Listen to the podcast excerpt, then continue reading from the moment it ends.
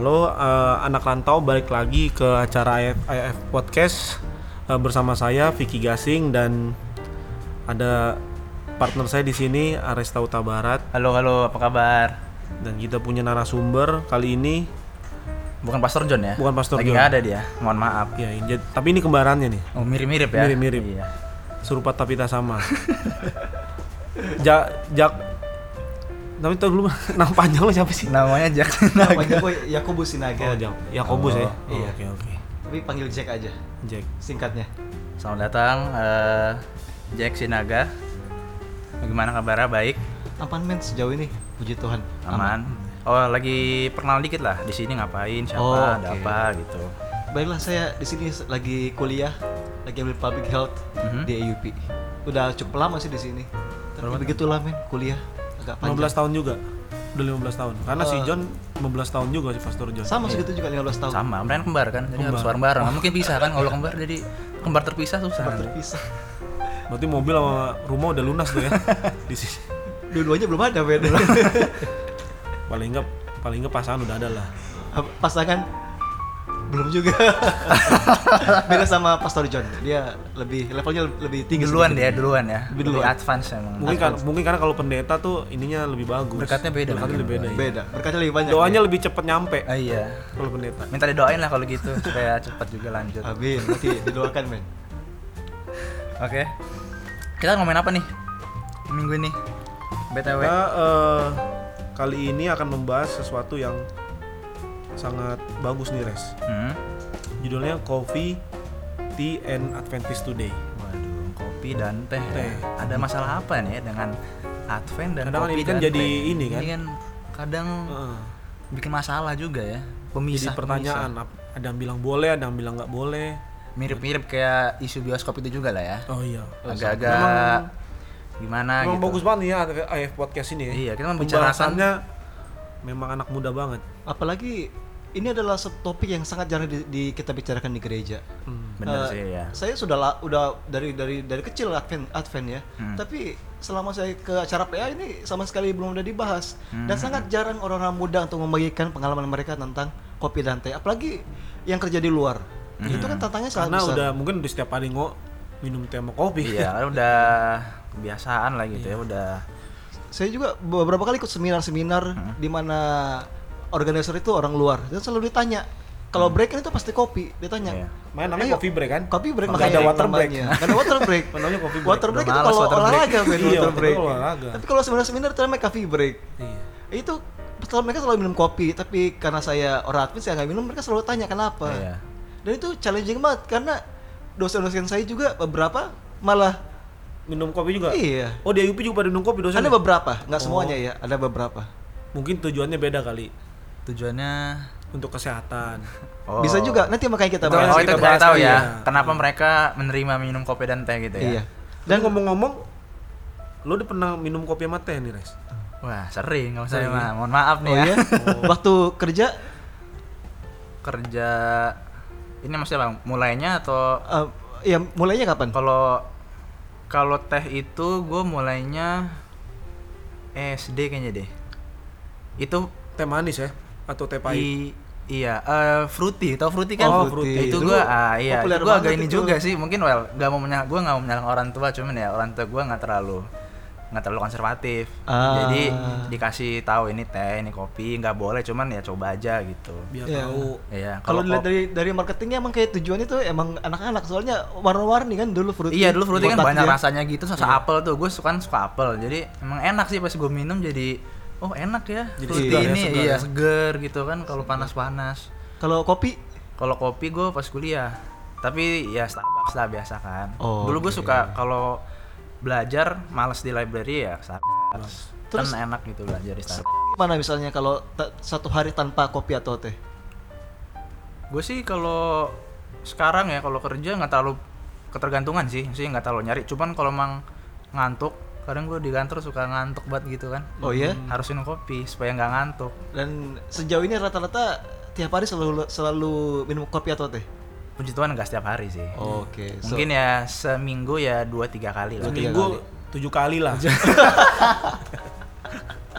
Semoga tidak lah. Dikurang-kurangin dikit lah, dua tiga lah. dua tiga ya Iya, ke publiknya karena dua kali. biasanya buat ngantuk ya tujuan Iya, kadang- minum kopi itu karena buat ngantuk Biasanya Iya, tujuannya biar itu. ngantuk kopi ini kalau kita lihat di, di, di budaya Filipina ini keta- ke- kental banget. Waktu itu saya pernah bikin eh, sama sama teman-teman satu kuliah bikin bikin bikin kayak community, community outreach Hmm. ke kantor bu- kantor bupati lah di sini. Oh ya? Kita cek kesehatan mereka, interview juga. Hmm. Karena interview kesehatan, kami tanya biasanya breakfastnya apa. Dan mereka biasanya jawab, oh kapi at pandesal po. Ma- Iya itu, artinya itu kopi biasa banget. dan Roti roti yang doang. Kopi sama orang roti. sini ya. Iya iya iya. Tapi jadi tiap kali tanya udah udah sarapan belum? Oh po, oh po, udah po, u- u- u- Iya. udah pak, udah pak. Terus pas ditanya apa? Kapi at pandesal. pandesal. Kok hanya At kopi dan pandesal ya? pandesal.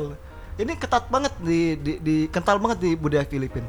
Eh, kalau Bang Vicky gimana? Kopi dan teh? kalau gue sih dulu gue suka banget sama kopi Hmm. sama teh tapi eh, semenjak beberapa tahun terakhir gue sudah nggak minum lagi Oh, gitu nggak ya. bukan nggak 100% sih Oh, mengurangi udah mengurangi lah ya. mengurangi aja Dulu minum kopinya dari umur kalau nggak salah dia sih dari ini sih ya Kuliah juga. dari sekolah sih dari zaman SMP SMP lah ya. Iya. SMP. Udah- yang udah. ngajak yang ngajak minum dulu siapa? yang ngajak minum sih biasa sama teman-teman kan. Teman-teman ya. ya kalau kan namanya dulu masih muda kan dulu kan minum kopi buat bu- kuat begadang. Nah, Aha. itu dia. Heeh. Waktu. Untuk Kan biasa kalau di coffee shop coffee, coffee shop gitu kan minum. Hmm. tapi emang bener sih jadi nggak ngantuk. Ah, cuma pas gue selidiki kenapa gue ngantuk? Karena mahal coy kopinya coy. Ya kan? Coba kalau lo minum gitu kopi sasetan murah ya kan? Lo minum tuh nggak ada efek tidur aja. Tidur aja, tapi kalau minum di coffee shop kan mau yang yang siang one shot gitu kan single Iya. shot itu kan itu minum memang nggak ngantuk tapi kepikiran kepikiran mahal juga nih harganya lima puluh ribu seratus ribu Nggak ngantuk karena stres juga Iya, jadi kan. juga. Kalau orang tua bagaimana? Orang tua sih- mereka tahu kalau abang minum kopi sama teh. Iya mereka sih eh, konservatif juga tapi sih lebih demokra- demokratis lah Hmm. terserah lah yang penting udah dikasih tahu mana yang baik mana benar kalau Hmm. temu menjalani terserah tapi sih gue biasa di rumah kalau minum teh itu teh pahit ya kalau misalnya Hmm. perut lagi Iya, bermasalah kalau- ah. minumnya teh cuma sih itu dia makanya kita mau bahas di sini res ya Iya. sebenarnya sih boleh nggak sih itu eh, kopi sama teh itu kita konsumsi untuk tujuan kesehatan Hmm. Oke, Heeh. itu juga penting, itu juga Iya. penting. Eh, tapi kalau kalian berdua kan kalian pa- pasti pernah baca itu Ellen G. White tentang kopi dan teh. Malah justru kopi dan teh ini adalah salah satu penglihatan utama lah dari Ellen G. White tentang reformasi kesehatan. Jadi pendapat kalian bagaimana waktu kalian baca eh, tulisan-tulisan Ellen G. White tentang kopi dan teh dan ketika kalian melihat diri kalian sendiri? Kalau kalau saya sih bawal sih ya Iya sih. Iya sih. Cuman gimana ya nggak kalau saya jujur sih terus pas saya minum teh kopi itu kayak ini udah nggak ngerasa apa-apa gitu kan. Sudah tahu. Kayak- kayaknya kalau minum tuh udah nggak ada rasa Mungkin- bersalah lagi ya Eh mungkin karena gimana ya? Kalau di kalau dibilang sih karena kesehatan ya. Mungkin Iya. karena belum saya benar-benar rasakan akibatnya gitu loh. Oke. Jadi saya juga kayak dan saya kan nggak nggak minum tiap hari. Jadi saya well, kalau minum dua tiga kali seminggu ya mungkin akan ya. dibersihkan tubuh lah mungkin gitu. Ah. Nggak dan saya juga sudah selama 20 tahun ini nggak hidup saya nggak pernah belum pernah Kenapa-napa? penyakit yang dibilang karena covid teh gitu. Jadi mungkin saya belum sejauh ini masih aman belum ya. merasakan kayak gimana gitu loh. Kalau Bang Vicky Kalau gue juga sama kayak Ares, jadi Ah. karena memang belum eh, mengalami dampak dari kopi dan teh itu sendiri. Harus kena dampak dulu. Iya, ya. biasanya mungkin orang harus kena dampaknya dulu kan. Jangan dicek di dokter oh, ini gara-gara kopi nih kan Hmm, kafeinnya ya, terlalu banyak. gitu sih. Oke. Gitu. Karena kan kita juga yang nggak eh, konsumtif sama kopi sama teh juga sih. Oke. Ah, bener, mungkin gue pikir kita perlu bahas ya tentang Iya, kopi iya, dan teh iya. ini. Bisa berikan Eh, inilah. Untuk itu kita mulai dulu dari sejarahnya. Oh iya, Oh, sejarah kopi dan Iya, sejarah nih? kopi dan kita kopi dulu lah. Hmm. Kalian bisa tebak nggak kopi dari mana berasal? Kopi Yang pastinya kalau dari Indonesia itu ter- terkenal di Sumatera. Sumatera. Sumatera. Tapi sebenarnya itu sebenarnya itu kopi itu berasal dari Ethiopia, Oh iya dari Afrika ya? dari Afrika itu. Jadi ada namanya mitos mitos Kaldi. Ada seorang penggem- kembala- penggembala ka- kambing namanya Kaldi. Hmm. Eh, jadi waktu dia sedang membiarkan kambingnya merumput, dia notice ada satu kambing yang makan sejenis eh, beans. Hmm. Setelah dia makan itu tiba-tiba kambingnya lompat-lompat. Oh, Kayak menari lagi. gitu. Begadang. Begadang dia Ben. Jadi dia kaget kan. Terus waktu dia ambil dia ambil beans itu, terus dia waktu dia makan dia juga merasa luar biasa. Dia alert, terus awake, enthusiastic. Kayak lagu lagu gereja kita. Jadi terus dia bawa bins itu ke seorang suci, imam di kotanya. Eh, yang uniknya adalah imam im- imam itu bilang kalau bins ini berbahaya. Hmm, Jadi gitu. imam ini melempar bins itu ke api. Dan setelah dia terbakar ada aroma kopi itu. kopi. Makanya kopi di Lalu si Kaldi ini setelah kopi itu hingga menjadi kopi yang kita kenal sekarang ini. Eh, dan yang menarik adalah dari Afrika dia menyebar ke Timur Tengah. Hmm. Dan dan di Timur Tengah ini kopi menjadi Makanya sangat namanya kopi arabica. Iya, Oh iya, kopi betul arabica. ya. Makanya dibilang ko- ko- kopi arabica itu nama itu nama spesiesnya. Kopi arabica. Oh gitu. Di Timur Tengah di Timur Tengah ini menjadi sangat populer di antara kaum muslim. Hmm. Oke. Ada beberapa alasan. Yang pertama, karena itu membantu mereka untuk berdoa dan berpuasa. Kenapa? Karena itu buat mereka alert. Nggak lemes gitu. Nggak ya. nggak perlu tidur, Nggak nggak lemes. ngantuk. Dan ini ini juga membantu mereka dalam bulan-bulan Puasa. puasa. Puasa. Oke. Kemudian eh, sebenarnya orang-orang Timur Tengah ini nggak mau kopi ini menyebar ke mana-mana. Kenapa? Karena satu itu alat untuk monopoli, monopoli harga, biar hanya mereka yang kontrol. Tapi ke- tapi kemudian orang-orang Belanda membawa itu ke Indonesia.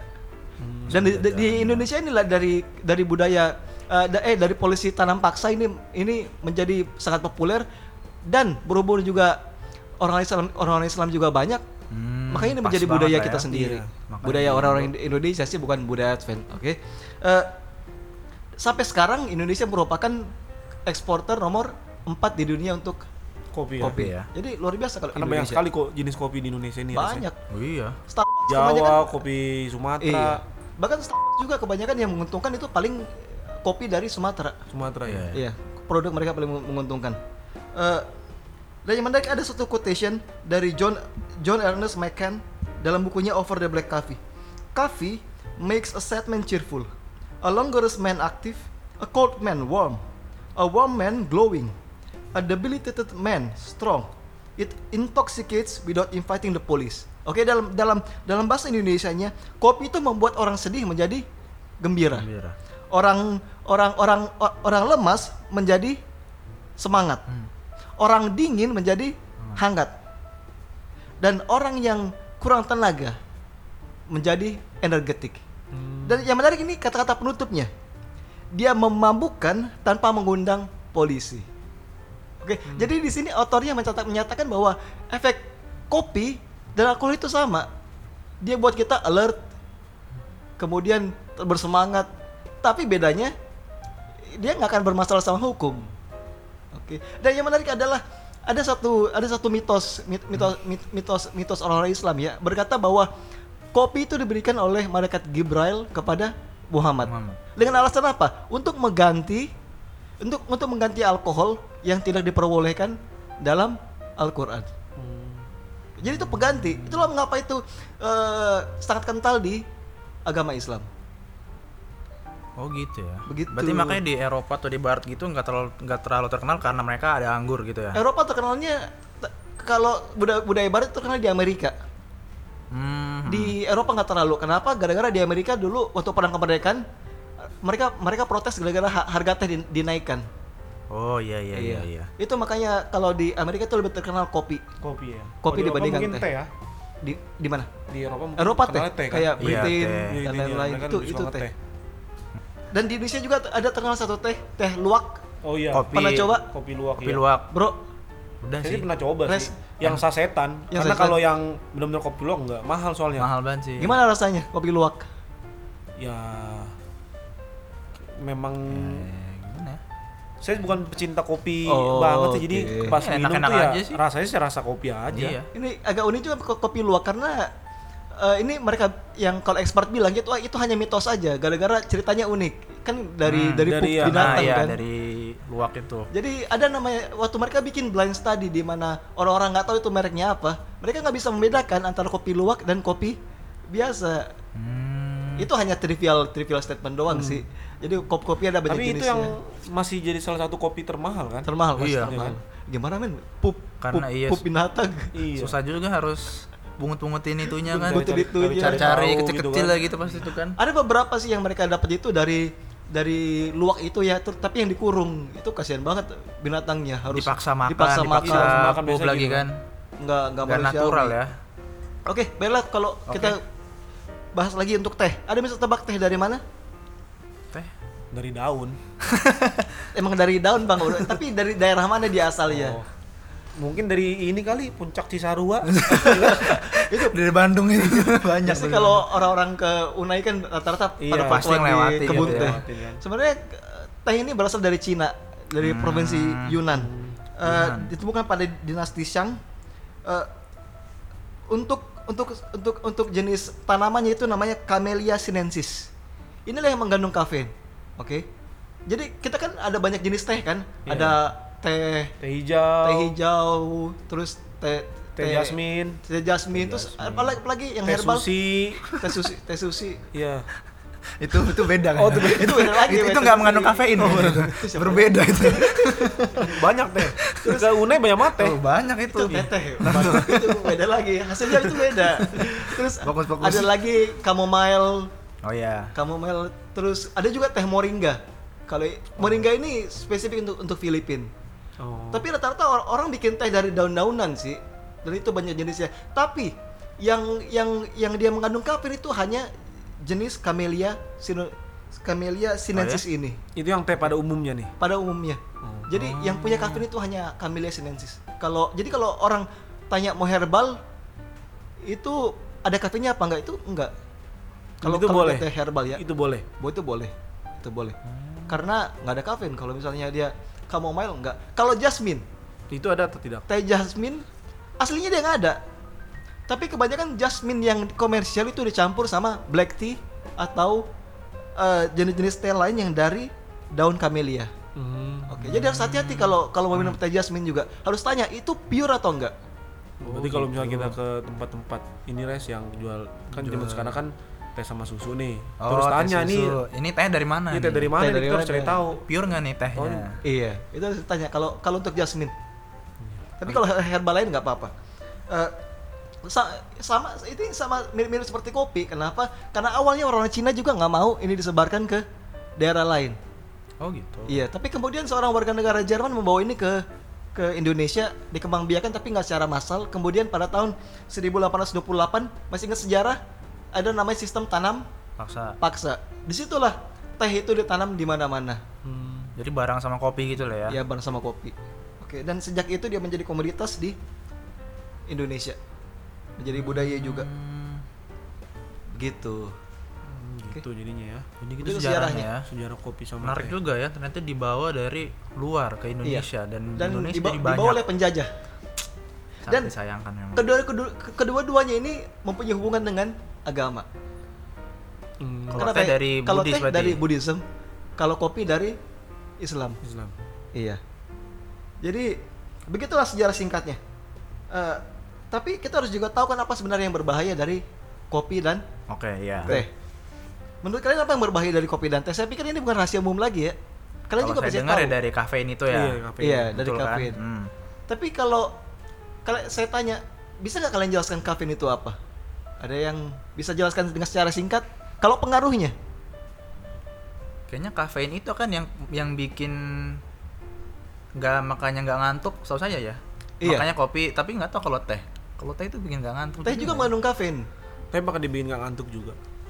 Teh, Iya tehnya itu. teh, teh juga nggak bik- bikin nggak ngantuk. Eh, ini dosis kafein di teh itu nggak sebanyak di kopi. Itu hanya setengahnya, sekitar 50 mg. Hmm. Tapi kalau di kopi itu bisa sampai 100 sampai 150 mg, tergantung dari jenis beansnya, kemudian Begitu. cara prosesnya.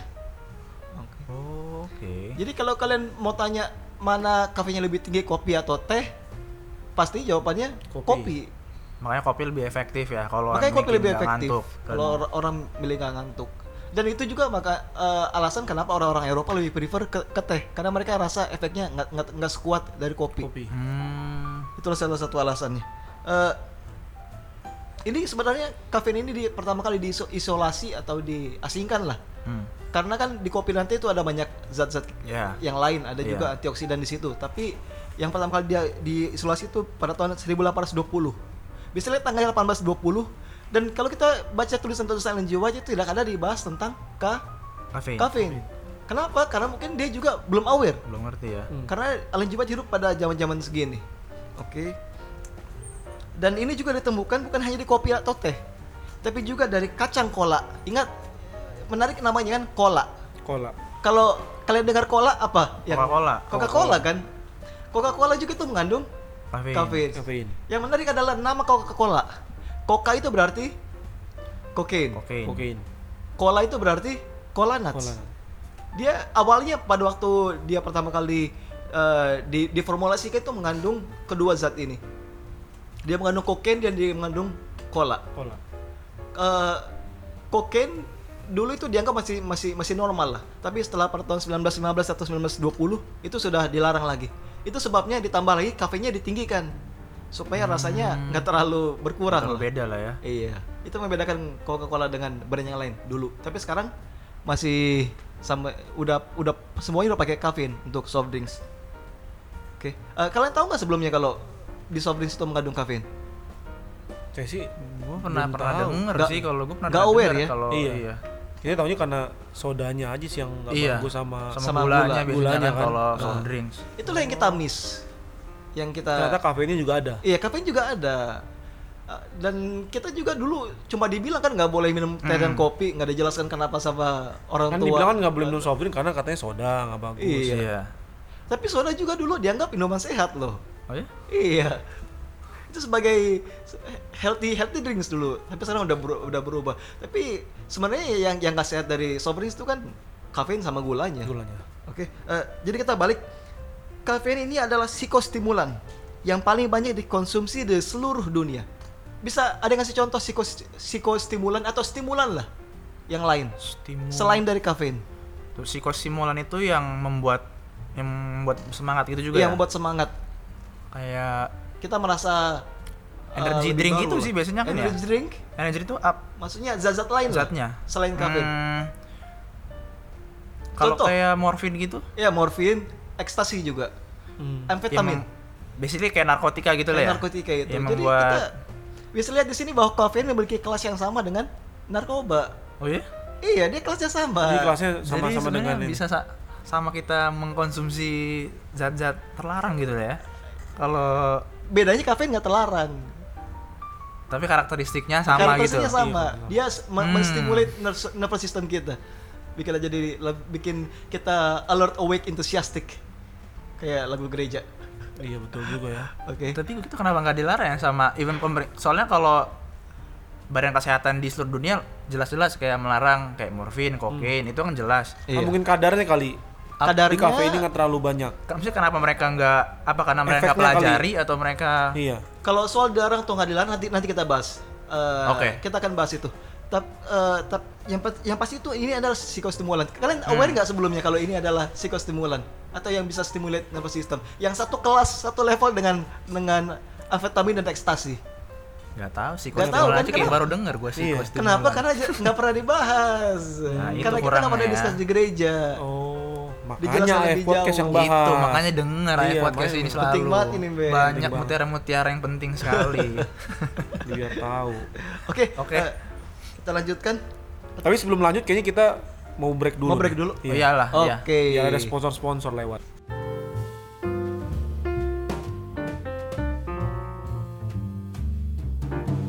Oke anak rantau balik lagi di pembahasan kita tentang kopi dan teh. Tadi kita baru bahas tentang hmm, bahayanya kafein ya, bahwa kafein itu satu kelas dengan zat-zat seperti morfin, kokain gitu ya, Ekstasi. ekstasi yang seperti ya zat narkoba lah gitu ya. Iya.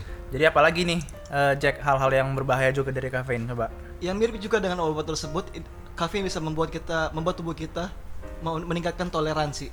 Ini artinya kalau kita biasanya hanya minum sekali seminggu, pada awal-awal itu cuma sekali seminggu, tapi lama-lama Lagi. itu sekali seminggu itu nggak akan nendang. Iya, kita pasti sih. butuh jumlah yang lebih besar lagi, Yang lebih ketendang ya. lebih biar lebih ketendang Ketendang, juga. Hmm. Dan inilah yang cukup berbahaya dari kafein. Kemudian yang kedua, Hmm. dia dapat menyebabkan withdrawal atau efek samping kalau dia berhenti. Oke, beberapa efek sampingnya adalah sakit kepala, kelelahan, mudah lesu, bingung, ketegangan otot meningkat, mual dan juga muntah. eh, kalau kita sering minum kopi dan ba- banyak orang juga minum kopi pagi-pagi. Iya. Tahu nggak kenapa mereka pilih minum kopi pagi- pagi-pagi? Supaya berenergi kalau memulai hari gitu Kenapa? Karena mereka merasa bahwa tidur mereka nggak cukup memuaskan. hmm. Tapi kalau kalian tanya itu berapa jam mereka tidur, walaupun mereka tidur 8 jam, itu tetap nggak tetap nggak memuaskan. Kenapa? Karena inilah salah satu gejala dari efek Kafein. samping nggak minum kopi selama sekitar 12 jam. Oke.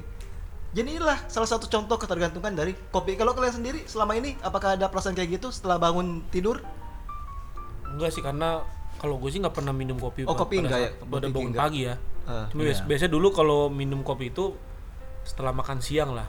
iya iya Ah. Setelah makan tuh biasanya kan Jam-jam ngantuk tuh, ya, benar. Jam-jam 2 jam 3 tuh baru. Jadi lu nggak tidur siang? Nggak tidur siang. Karena kan di kantor masa Oh, tidur. oke. iya kan lunch time buat makan doang Oh, kerja ya? siang Jadi mungkin tapi sekarang gue kalau ngantuk ya gue tidur. iya sih emang lebih bagus Baik. gitu sih Cari tidur aja minimal 10 menit 15 menit. Terus pas lo memutuskan untuk berhenti nggak minum kopi, apakah ada ada efek sampingnya yang lo rasakan? Seperti ya sakit kepala, kelelahan, mudah lesu. Oh, enggak, kalau gue sih nggak tahu ya. Kalau gue sih enggak sih sejauh Oh, ini. enggak ya. Karena gue bukan yang bener-bener gitu. iya Heavy drinker. heavy drinker gitu enggak. Ah, Oke. Kalau Ares sejauh ini, kalau misalnya nggak minum sehari atau dua hari, Hmm, kayaknya nggak ada juga. Eh, Maksudnya gue ngerasain juga sih karena sama kayak Bro Vicky ini juga gue nggak yang tiap hari dan nggak pagi-pagi. Cuman kalau pas ngantuk gitu minum. Tapi nggak tahu juga ya mungkin Tapi temen gue sih ada yang emang gue ada temen gue memang yang dia pecinta kopi banget. Hmm. Pagi harus kopi, siang harus kopi. iya iya. Dan memang dia pas dia coba untuk nggak minum kopi itu memang dia lemes bawaannya. Hmm. Kepalanya pusing. Jadi jadi nggak nafsu makan juga. Iya. Dan ini juga bisa terjadi sama untuk teh. Ada saya waktu saya waktu gue bikin kuis di Instagram kan tentang kopi dan teh. Ada teman saya res- teman saya respons. Dia bilang nggak sehat minum kopi. Tapi pas gua gua coba explore lebih jauh lagi, dia dia mengaku kalau dia minum teh. Minum teh. Dan dia bilang dia nggak bisa spend one day without drinking tea. Dia yang paling suka milk tea. Nah, Nah, milk tea tuh ya. kan lagi happening Iya, banget tea kan. banget tuh, tuh. men. Aduh. Iya, jadi kadang-kadang walaupun ka- kadar kafein di teh itu nggak sebanyak di kopi itu bisa bikin ketergantungan. Oke. Berarti emang efek-efeknya hampir mirip-mirip banget ya dengan kalau narkotik itu kan hampir sama ketagihan dan withdrawal Iya, tuh withdrawal pasti ada Hmm. sama toleransi. Dia mau selalu ingin lebih. selalu ingin lebih ya Selalu ingin lebih. Dan gejala-gejala ini biasanya muncul 12 sampai 24 jam setelah minum kopi yang terakhir, last cup last cup of coffee. Coffee. Dan ini menjadi lebih parah 24 sampai 48 jam. Tapi kemudian dalam 2 sampai satu minggu dengan Hmm. tergantung sama orang ya, ini gejala-gejala ini akan hilang. Oh, gitu Oke. Jadi agak berbeda dengan misalnya dengan dengan ekstasi. Iya. Karena withdrawal itu susah banget kan. Orang ada yang direhab sampai Iya. sampai setahun, tapi pas udah keluar langsung pakai lagi. lagi. Lagi. Oke, jadi ini bedanya. Eh, kemudian ini ada beberapa real life experience yang saya dapat dari jurnal. Dia bilang dia tidak bisa kerja karena muntah-muntah. Kemudian dia buat banyak kesalahan di tempat kerja. Ini paling lucunya ya, dia sampai membatalkan pesta ulang tahun anaknya sendiri. Gara-gara withdrawal. Hmm. Jadi parah juga sih parah juga. Mungkin orang-orang yang kantor butuhkan itu satu hal yang bisa membuat hi- hidup mereka lebih baik tanpa kopi dan Tanpa teh. kopi dan Eh, saya punya pertanyaan di sini menurut kalian ya. Hmm. Kopi dan teh eh, atau atau kafein ini adalah addiction or dependence? Kalau bedanya? gimana? Addiction atau dependence? bedanya addiction sama dependent Ini dua hal yang berbeda. gitu ya Beda. Kalau nanti saya kasih definisi tapi menurut Ares gimana? Ini addiction atau dependence? mungkin lebih kalau menurut saya lebih ke dependence kali Iya, ya butuh gitu Ah.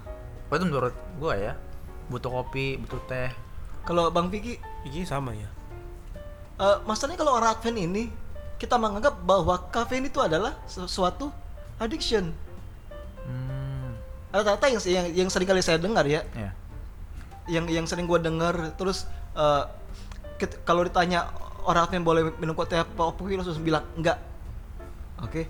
Tapi kalau kita lihat dari dari definisinya ya, definisi addiction itu adalah uh, to qualify as a drug of abuse, a substance must have both reinforcing effects and produce harmful effects on the user and society. Yang menarik adalah kalimat terakhirnya itu dibilang bahwa satu zat yang menyebabkan kecanduan atau addiction itu harus punya uh, harmful effect atau pengaruh yang berbahaya terhadap bukan hanya individu tapi masyarakat. Ya. Dan ini yang membedakan. Sedangkan kalau dependence itu lebih lebih lebih umum, umum karena dia harus punya punya punya kualif punya syaratnya itu hanya tolerance dan withdrawal. Oke. Jadi perbedaannya adalah adalah apakah dia punya efek yang yang berbahaya bagi society atau tidak. Menurut kalian gimana? Apakah kafein punya efek yang berbahaya kepada society? Sampai kayak kasus-kasus narkoba Enggak sih ya. Nggak Malah kadang kopi ya. orang lihat malah membantu jadi nggak ngantuk misalnya. Iya. Dan satu juga itu kadang gampang ditemukan kan di coklat aja ada. Oh, Di coklat coklat- juga. ya? coklat- di ada coklat ya? ada juga. Nanti kita kasih tahu berapa miligram. Jadi jelas ya saya pikir bahwa kafein ini adalah a substance that can cause physical dependence. Ketergantungan fisik. Bukan suatu kecanduan. Kecanduan. Dan satu perbedaan juga antara ini dua adalah kalau addiction itu susah banget kita untuk untuk lepas. Tapi rata-rata kalau kafein itu hanya butuh sekitar satu atau dua minggu. Setelah itu bebas. Oke. Jadi nggak nggak nggak susah nggak Ini nggak susah. Jadi buat anak buat anak rantau kalau yang sekarang masih sering minum kopi, tunggulah satu sampai dua minggu lagi ya. iya. Oh berarti intervalnya gitu lah ya. Iya, Jangan tiap hari gitu, lah. Tiap hari. Berarti ini nggak dilarang banget dong berarti ini. Nanti eh, oh nanti ya kita. ini ini kita. kontroversial ya. Nanti saya akan mengeluarkan eh gua akan mengeluarkan jurus sakti dari dari dari dua sakti White ya. dan juga Oke biar eh, jelas ya. working policy of the General Conference. Siap siap. Oke. Mantap, Eh, Jack. Ini ada satu kutipan dari General Conference Working Policy. Dia berkata, "The use of coffee, tea, and other caffeinated beverages and all harmful substances are forbidden." Benar atau salah? Ini terakhir terakhir dibilang itu forbidden. Kalau kita nggak boleh mengkonsumsi kopi, teh, eh, minuman yang mengandung mengandung mengandung kafein atau zat-zat berbahaya. Ini dia bilang forbidden atau nggak boleh. Benar atau salah? Bener sih, karena emang yang emang itu nggak boleh kan? Kalau yang diajarkan dan didengar ya nggak boleh bener kan nggak boleh emang nggak boleh tapi sebenarnya ini saya bikin-bikin terakhir ya kata-kata terakhir Oh ya nggak begitu saya isinya? sengaja melencengkan Oh, forbiddennya itu. iya gue gue sengaja agak ngetrik kalian sih trick or treat. Nanti triknya nanti. Ke, kenapa? Karena karena karena kata-kata sebenarnya itu bukan forbidden. Kata-kata sebenarnya adalah discourage. Menurut men- menurut menurut lo bang apa bedanya antara forbidden dan discourage? Kalau forbidden atau di- discourage discourage ini artinya tidak disarankan Jadi sarankan ya. gimana ya kalau di kalau forbidden emang bener-bener lo memang dilarang banget. Hmm. Kalau tidak disarankan, ya kalau lo mau lo mau lakukan itu terserah. Cuma ada baiknya lo jangan. Gitu. Oke. Jadi masih masih masih masih ada mungkin masih ada kecenderungan lo boleh lo boleh melakukannya itu kalau tidak disarankan, Mhm. ya kan? Tapi Betul, betul. tapi kan kalau mis kalau kayak kopi itu lebih lebih ada kayak lebih ada kayak apa ya kayak ada eh, hukumnya lah biasanya kalau forbidden gitu kan Iya, kayak di Taman Eden. iya Kan Tuhan bilang kalau mereka for, for- forbidden to Forbidden. eat the buah pengetahuan baik dan jahat. Emang nggak tapi kalau misalnya Tuhan bilang itu tidak disarankan Ya. berarti masih bisa lo makan dong ya kan? dengan Tapi itu agak, agak, agak- Iya. gitu kata-kata ini tricky banget, men. Kalau menurut lo, Ares, hampir sama sih sama kayak Bang Vicky ini kalau menurut gua kalau dilarang emang bener jangan walaupun dengan alasan tertentu tapi Hmm. kalau discourage kayak misal dilarang masuk ya juga jangan masuk Iya. tapi dianjurkan tidak masuk karena ada resiko misalnya Iya. ada anjing galak ya kalau masuk silakan cuman resikonya ya lo terima Tanggung- sendiri, sendiri. tapi lo tahu Ah. ada mengapa jangan dianjurkan cuman kalau mau ya silahkan tapi kalau dilarang kayak jelas no ada lubang lo pasti jatuh gitu itu menurut gua ya jadi sama kalau kayak misalnya kita dapat mungkin dapat apa dapat resep dari dokter nih gini kan tidak Iya. disarankan minum obat sebelum makan. Aha. Berarti tanda kita juga sebenarnya boleh juga minum itu sebelum makan sebenarnya. Cuma kan pasti nanti ada akan ada efek-efek tertentu. iya Cuma kalau misalnya emang benar dilarang, ya berarti memang nggak boleh sama sekali. Nggak boleh sebenarnya lebih gampang kan kalau misalnya yang pertama aja forbidden, as in sama sekali nggak boleh. jelas sih iya Karena kalau discourage agak bisa subjektif gitu ya Iya. iya. Masih bisa Tapi- kompromi lah kalau tidak kalau Iya, bisa gitu kan. sangat mudah. Eh, saya mau minta Bang Niki, eh Bang Vicky untuk untuk untuk baca ada quotation dari Ellen G. White. Oke, ini dia. The only safe course ya. Iya. The only safe course is to touch not, taste not, handle not, tea, coffee, wine, tobacco, opium, and alcoholic drinks. Oke. Menurut Abang gimana? Ini c- cukup keras ya, Iya. karena dia bilang eh, touch not, taste, Taste not, not, handle, handle not. not. Even handle not ya. Iya. Pegang. Nggak pegang nggak boleh, rasain nggak boleh. Itu kalau dia salah pegang, wah udah salah nih. udah ada dosa berarti. Iya, udah. kalau- Waduh, gawat juga dong. Berarti kita nggak boleh, berarti kalau masuk convenience store harus lihat-lihat lah bener Tahu salah Jangan- pegang, Jangan pegang. Jadi pegang udah- nggak boleh. Ke Starbucks juga hati-hati. Iya. Jangan, jangan. Tapi kalau ke Starbucks kan dibilang jangan salah tunjuk kan. Jadi inilah yang eh, agak-agak uh, Ranjuma di sini keras. Tapi kalau kita lihat dari polisinya GC itu dibilang dis discourage. A- ada tahu kan alasannya kenapa? Kenapa GC pilih discourage? nggak tahu. Apa karena budaya mereka? Hmm, Enggak juga ini di luar di luar budaya sih. Hmm. Saya pikir ini karena practicality. Hmm. Satu alasan pentingnya kenapa karena karena practi- practicality. Karena zaman sekarang itu sangat susah supaya kita menjauhkan diri dari um, semua makanan yang mengandung Kafein. kafein. Contoh, coklat aja kita itu mengandung kafein. Ada, ada beberapa teman saya yang kalau ke Starbucks mereka lebih prefer hot choco dibandingkan dengan, dengan beli eh, frappuccino karena mereka bilang kafeinnya tinggi. Tapi hot choco juga mengandung kafein sekitar 20 sampai 30 mg. Jadi Berarti hot water aja kalau Atau- enggak. iya Hot 20 water sampai aja 30 mg itu udah sama kayak sama kayak sama kayak teh men. Satu cup teh. Satu cup teh. Iya, Itu satu cup teh. Jadi orang-orang pikir hot choco itu safe lah, tapi sebenarnya enggak. Bahkan di decaf juga decaf itu mengandung sekitar 2 sampai 6 mg. Untuk untuk decaf di, decaf coffee ya. Decaf coffee. Jadi eh, inilah salah satu masalah yang kita miliki untuk untuk memutuskan apa sebenarnya yang harus kita lakukan. Tapi sekali lagi, the word discourage means we need to truly know to discover, to discover by yourself. Kebanyakan orang, kebanyakan ya yang yang zaman-zaman dulu hanya bilang tidak boleh. Boleh. Mereka nggak menjelaskan kalau kafein itu adalah satu kelas dengan ekstasi, metafetamin, amfetamin, dan dan narkoba lainnya. Dan inilah bahayanya. Kalau kita hanya bilang it's it is forbidden dan kebanyakan orang orang muda juga mau cari itu. Ada di Q di salah satu pertanyaan yang muncul adalah eh, tolong putuskan apakah teh atau kopi itu boleh atau tidak. Makanya mau itu itu aja. Iya, jelas. boleh atau tidak. Tapi sedangkan dari dari GC Morgan Polisi dia bilang discourage. It means that you need to you need to truly know what you eat, what you drink, and the content inside of them. Oke, be critical. Di di sekolah Advent itu kita nggak boleh, nggak ada kopi, nggak nggak boleh teh. Tapi kalau Valentine itu namanya pem- distribusi kafein sekampus secara bebas. Apa bedanya kan? Kafe coklat itu mengandung sekitar 10 sampai 20 lah miligram kafein, bisa sampai 50 kalau dia dark chocolate yang benar-benar mahal. Hmm. Apalagi kalau yang 70%. Oke. Terus makannya dua box kalau kalian. Terus Udah, makanya iya, dua box lagi.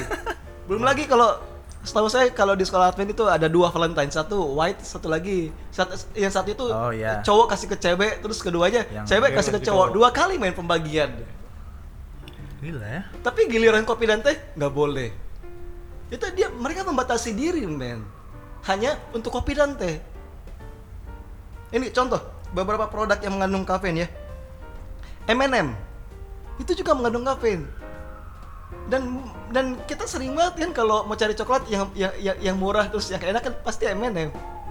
Itu mengandung sekitar eh, 15 mg kafein. Kemudian Hershey's. Hershey's Special Dark Bar itu mengandung 36 mg kafein. Eh, dan dan inilah dark chocolate 20 mg kafein. Jadi ada banyak produk-produk. Obat sakit kepala juga mengandung kafein. Obat sakit kepala juga. Oh ya? Sebenarnya nggak tahu kan. Kenapa mereka harus ada kafein? Obat sakit kepala gitu. Stimulan supaya Oh, supaya hilang sakitnya supaya gitu. hilang sakitnya. Supaya lebih Itu bisa juga. Hmm. eh, contoh kalau untuk coffee ya, espresso itu mengandung 100 mg. Kalau yang instan, contoh yang sachet-sachet Saset. itu 50 sampai 130 mg. Untuk yang decaf itu 2 sampai 6. Ada ada yang tanya juga kalau decaf bagaimana? Kalau menurut gua decaf itu adalah pilihan yang bagus kalau kalian mau transisi untuk mau berubah. Jadi dari dari kalau kalian minum kopi tiap hari itu semua mau mau mau berhenti sama sekali decaf itu pilihan yang yang yang, yang paling bagus. Begitulah. Dan juga orang-orang orang-orang zaman dulu mereka pakai isu kopi dan teh sebagai pembatas. Pembatas apa? Pembatas perkembangan gaya hidup mereka. Dari Adventist Health Message. Mereka hanya fokus di kopi dan dan teh. Ada banyak kan? Kalau misalnya mereka mau berjalan lebih jauh lagi, sekarang udah pasti banyak yang vegetarian. Tapi buktinya apa? Sangat sedikit orang yang vegetarian di di Indonesia, apalagi orang Advent. Kenapa? Karena mereka hanya membatasi diri di kopi dan Dan teh. teh. Ingatlah bahwa pekabaran reformasi kesehatan itu bukanlah hanya dogma atau hukum-hukum yang harus kita taati. Ini adalah satu hal yang harus kita mengerti, kita pelajari. Ini adalah satu perjalanan. Kalau misalnya kita mau dari Jakarta mau ke Bali, kita harus ke mana dulu? Harus melewati uh, Pantura gua nggak terlalu nggak nggak terlalu tahu lah. Tapi harus melewati kota-kota yang yang yang ada Nggak bisa langsung ke sana. Iya, gak bisa langsung ke sana. Kayak kayak keluarga Abraham lah. Tuhan bilang ke eh, bapaknya Abraham itu udah berjalan keluar dari dari Ur Kasdim. Tapi dia berhenti ke Nahar. Eh berhenti di di satu kota lah. Dan dia nggak mau lanjut. Dan banyak dari anggota kita yang seperti ini. Dia membatasi diri hanya di teh dan kopi. Kenapa?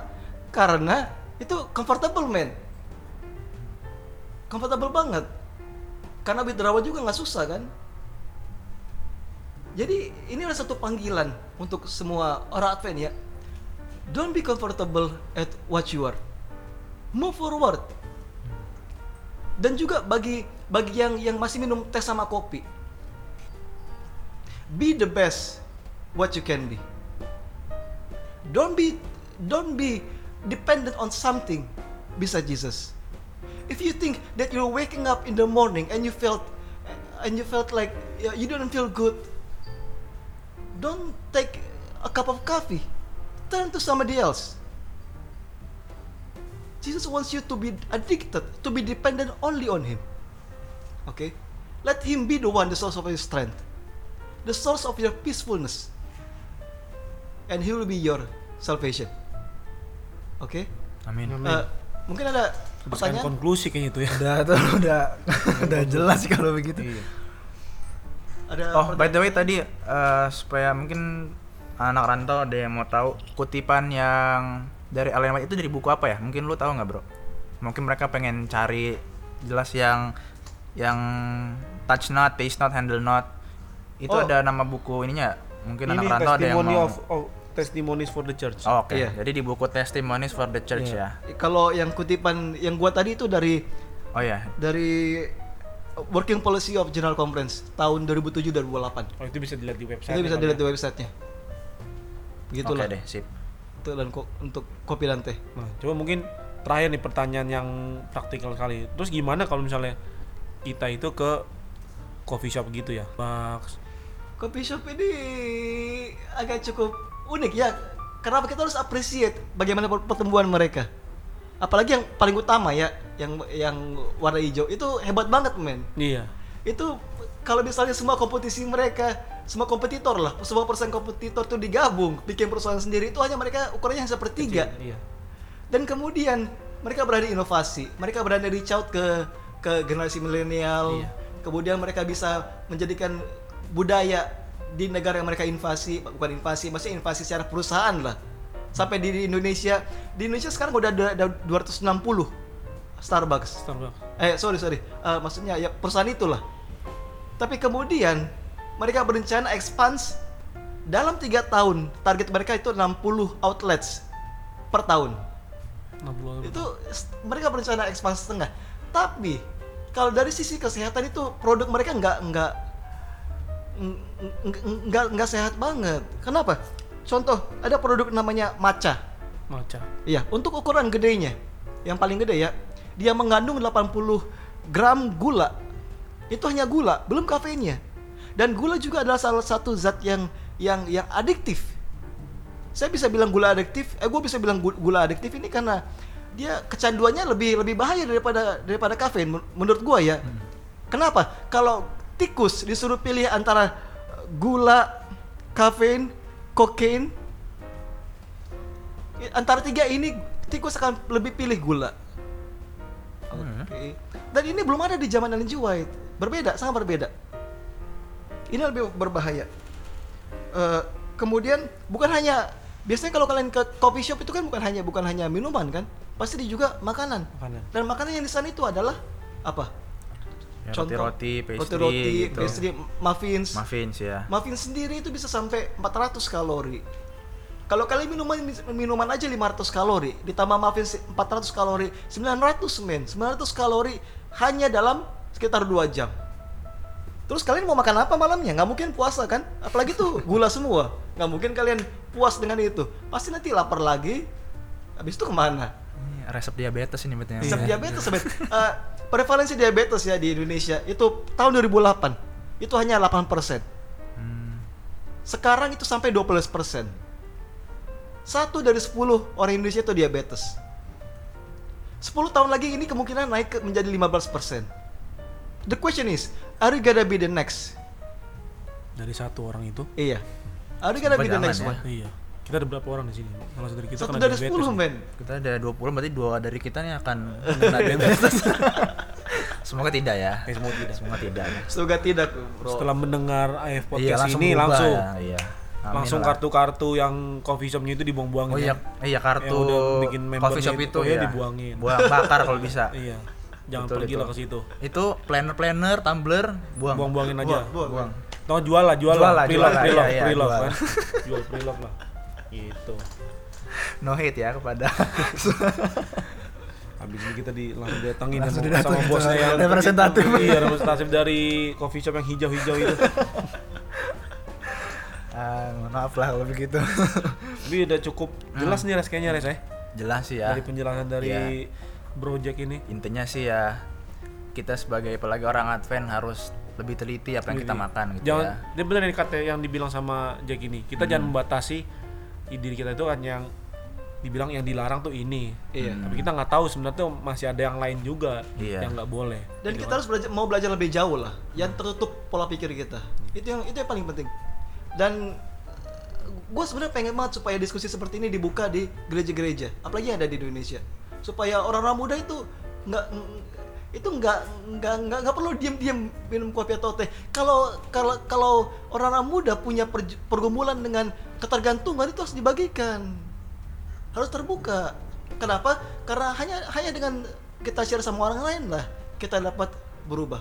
Susah banget men kalau mau cuma mau berubah sendiri. Betul. Betul sekali itu. Iyalah, jadi teman-teman orang rantau mungkin bisa ya bawakan ke PA di gereja Iya, masing-masing iya, supaya lebih aware juga, betul Sharing juga. moment.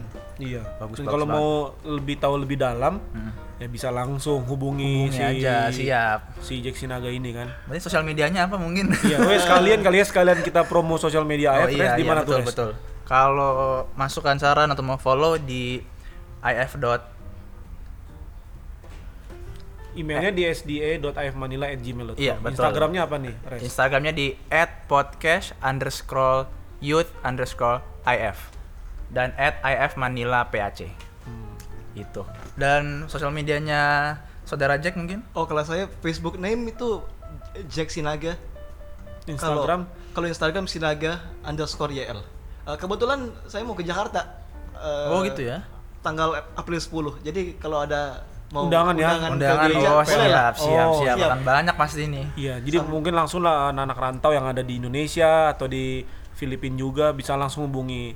langsung di book ya di reserve Langsung di book. karena mungkin dia akan dia nanti ke gereja-gereja Jabodetabek ya mungkin Enggak sampai tur juga lah. oh enggak tur ya kalau banyak kan yang minta bisa jadi tur nanti Iya. bagus sih Hanya itu. membagikan. Oh, iya, iya, iya, Oh, iya. Membagikan. siap siap oke deh eh nggak ada lagi ya Mungkin lagi. kalau gitu kita akan tutup podcast kita eh, minggu ini semoga berguna bagi kita semua bagi para teman-teman rantau juga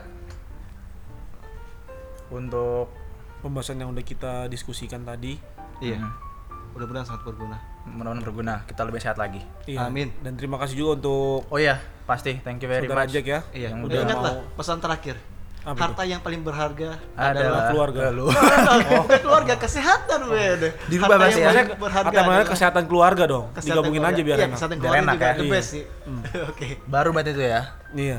Harta yang paling berharga Bukan hanya keluarga, kesehatan, Kesehatan keluarga. tanpa kafein. Sama kafein. Oke deh itu aja. Jadi thank you teman-teman rantau. Have a nice day. God bless you all. Salam anak rantau. Mabuhay. Mabuhay. Mabuhay.